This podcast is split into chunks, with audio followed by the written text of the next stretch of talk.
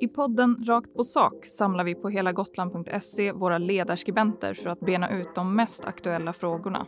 Vill du höra analyser och gå djupare in på det som påverkar gotlänningarnas vardag har du kommit helt rätt. Välkommen till podcasten Rakt på sak med Eva Bofride, Mats Linder och Erik Fransson.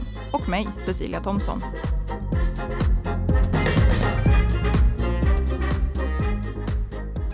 Vi har ett resultat, eller i alla fall ett eh, preliminärt eh, sådant. Och det här måste vi såklart diskutera med våra allvetande ledarskribenter.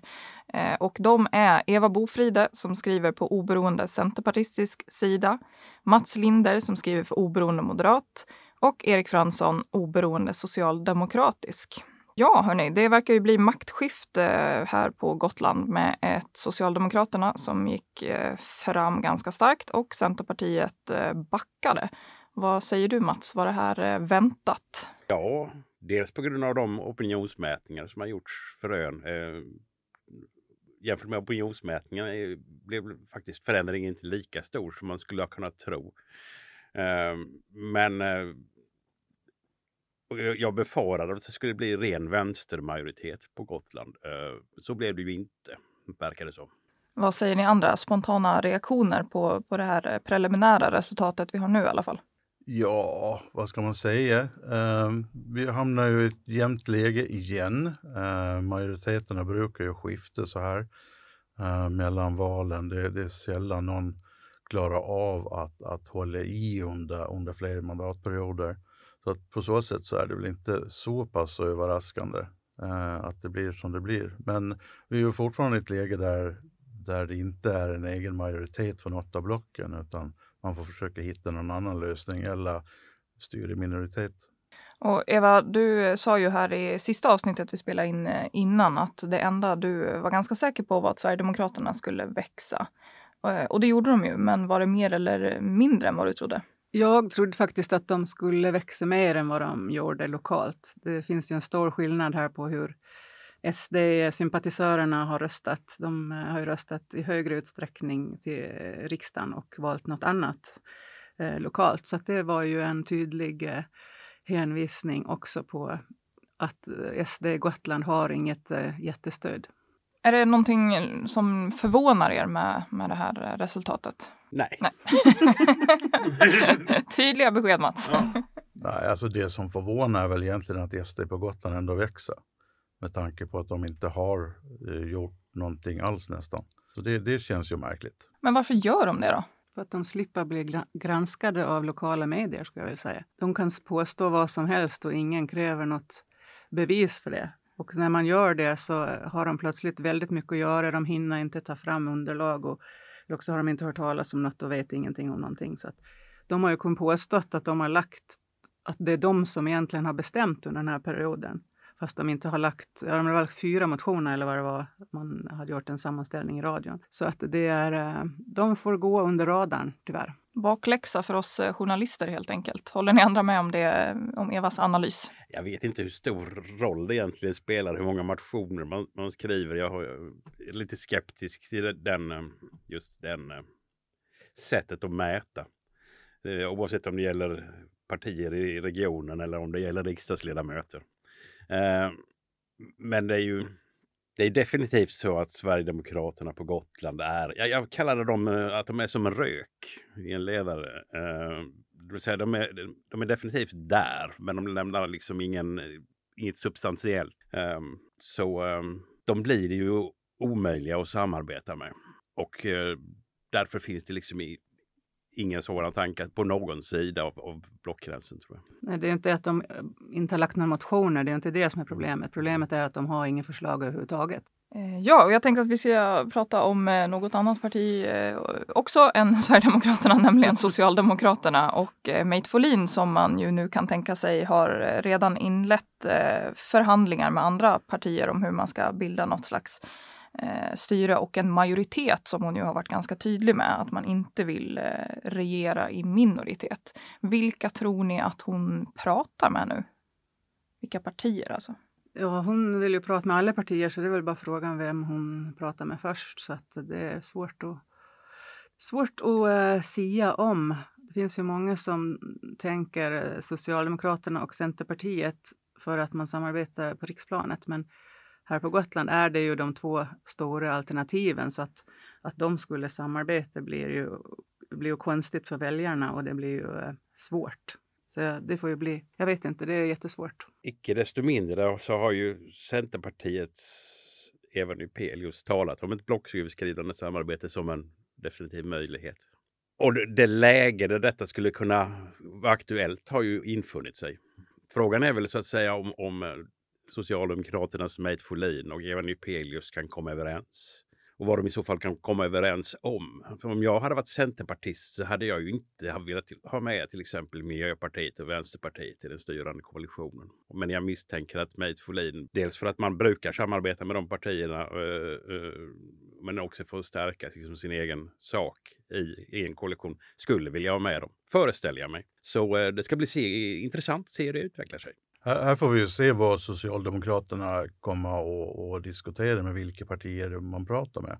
Eh, jag tror att de kommer att prata med, med så många som möjligt. Eh, vi får ju också se hur eh, mandaten fördelas. Det är ju inte, det är inte hundra klart än, så att man där någonstans kan hitta en, en majoritet också. Men det, det kommer förhoppningsvis att, att ske någon form av blocköverskridande där det finns partier som är beredda att ta ansvar för det läget vi är i.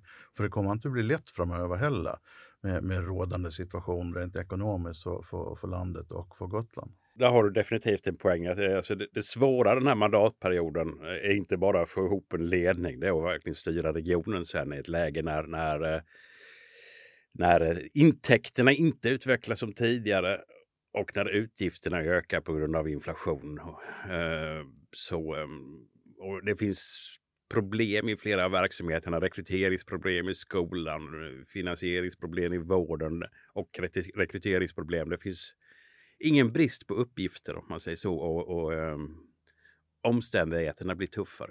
Sen måste man komma ihåg också att det, det, är ju inget fel i att styra i minoritet. Det, det är ju det resultatet väljarna har, har gett. Att de vill ha den här fördelningen. Liksom. Så det är ju inte fel att, eh, att eh, Socialdemokraterna då, om de vill bilda ett styre och sen får varje fråga liksom avgöras i fullmäktige. Det är ju inget odemokratiskt i det, utan det är ju det egentligen som väljarna har bestämt att det ska vara. Jag tycker det är fel att säga att väljarna har bestämt för var och en har lagt sin röst. Sen har utslaget blivit så här. Det är ju inte väljarna gemensamt som har sagt att så här vill vi ha det utan det är ju ett utfall av, av, av röstningen. Sen är det ju politikerna som ska ta ansvar för, för den mandatfördelning som blir och göra det bästa som möjligt av det. Inte sitta kvar i båten och säga att väljarna har bestämt att det ska vara så här och sen får man se vad det kommer ut för, för beslut av det. Jag förstår inte skillnaden. Är det inte väljarna som har gett resultatet?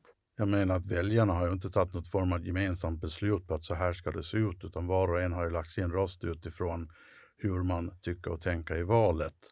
Eh, och sen är det ju upp till politikerna att, att förvalta det på bästa möjliga sätt. Och då är det ju dumt om politikerna sitter kvar i båten och bara säger att ja, väljarna har ju faktiskt sagt att eh, det ska vara så här att bara fullmäktige ska, ska eh, ta beslut utifrån varje fråga för sig. Nej, jag hänger inte med, men det behöver jag inte. jag tänker faktiskt eh, tvinga er att gissa lite igen, för det tycker ju ni är så roligt allihopa. Hur, eh, hur tror ni att, eh, nu när vi ändå har ett preliminärt valresultat, hur tror ni att Gotlands styre kommer att formera sig här under mandatperioden? Um, Sossarna Centrum. Vad säger du Erik? Ja, det, det, det, kan gå åt många håll. Det är ju beroende lite på hur, hur de forna allianspartierna eller allianspartierna, hur de hur de resonerar i det här. Men, men eh, ja, eh, jag trodde förra gången efter, efter 2018 att det skulle bli SSC som styrde ihop, så jag kör väl till med det igen. Håller du med om det, Eva? Alltså jag vet ju, det är en sak vad man själv tycker och vad, en annan sak vad partierna tycker. Men jag eh, hoppas ju inte på ett SC-styre lokalt. För det. Men sen vad det skulle Ja, det finns verkligen stora nackdelar med det med tanke på hur väljarna kan reagera på det. Men, men samtidigt, jag har svårt att se hur vänstern ska kunna styra ur en minoritetsposition där Sverigedemokraterna och Alliansen tillsammans är större än vad de är. Eh, de kommer att få bakläxa så många gånger att jag tror inte det funkar. Det blir jättesvårt, men jag tycker också man måste ta hänsyn till vad väljarna faktiskt eh, har sagt också. De, vill ju, de vill ju ha mindre Centerpartiet och de vill ha mer Socialdemokrater. De vill ha mer moderater och de vill ha mer sverigedemokrater. Så det är väl där någonstans pusslet kan börja läggas. Då. Tror ni att det skulle innebära, om det nu blir så att Socialdemokraterna och Centerpartiet eh, bildar styre tillsammans, att eh, man får göra allt för stora liksom, eftergifter på sin egen eh, politik? Är det det du menar Mats när du säger att eh, du inte vet hur väljarna skulle reagera? Men vi har en svår mandatperiod framför oss. Det finns en hög risk för att man kommer, väljarna kommer att vara rätt så kritiska mot de som styr. Ehm, och då går du väljarna i så fall i, i viss utsträckning till oppositionen. Och ehm, det kan bli konsekvenser. Liksom. Nu ska man ju komma ihåg att i de allra, allra flesta frågor så finns det ingen större motsättning lokalt i politiken här, utan det är ju framför allt eh, och den viktigaste frågan och det är ju ekonomin och det, där har ju Centern och eh, Socialdemokraterna helt olika syn på hur man ska hantera det ekonomiska. Där håller jag inte med utan det finns rätt så bra stora likheter där mellan partierna också. Det är bara det att, att C har valt att ha lite mer eh, fokus på 2% målet än, än vad S har haft. Däremot har det inte varit någon större skillnad i slutändan. Men det som jag ser som det stora problemet om, om, om SOC skulle regera ihop, det är ju synen på, på privat eller offentlig driven eh, omsorg. Eh, och den frågan får man ju lösa först innan eh, man sätter sig ner och samarbetar. För den måste bli löst. Vi ska alldeles strax avrunda, men, men eh, vi kanske ska säga någonting om valresultatet eh, på riks. Eller resultat är det ju inte där heller, för det ska ju fortfarande räknas en hel del röster. Men har ni några reflektioner så här långt om eh, hur det ser ut på, till riksdagen? Ja, vad ska jag säga? Om det, om det ser ut, om det blir som det nu ser ut så blir det ju regeringsskifte, vilket jag tycker är bra. Jag är mindre nöjd med, med storleksförhållandena inom den, den eh, koalition som i så fall ska bildas. Eh, så eh, det blir en svår mandatperiod även på riksplanet. Alltså jag tror vi kommer att stå inför en ny period med en, en hel del strul och kaos. Ehm, um, SD och Liberalerna kommer inte att kunna gå ihop ifall det nu blir en sån här, eh, en, en Kristersson, Kristersson som statsminister. Eh, så kommer det bli stort problem för dem att, att hitta något gemensamt. Eh, det finns risk för att både liberaler och eh, sverigedemokrater kommer att hoppa av och, och bli politiska vildar. Eh, så att det där, det, det, det, jag är orolig för framtiden. Det finns så mycket viktigt som måste göras och så bra att, att det skulle vara en stabil regering. Eh, och så står vi inför det här. Jag, jag är orolig. Aldrig kan vi få lite lugn och ro. Vad säger du Eva? Jag tycker också det känns, eh, känns oroligt och det känns inget bra med det är inget fel i att eh, Socialdemokraterna inte längre får, har, sitter i regering. Det är liksom inget eh, konstigt med det. Men man måste ju se på vad alternativet då är. Och det alternativ som nu ligger i farans riktning är ju... Det är väldigt mycket Sverigedemokraterna i det eh, alternativet och att tro att att det ska bli Moderaterna som bestämmer eh, när det är Jimmy Åkesson som har flest, liksom, större stöd. Det är lite svårt att få, att få ihop det.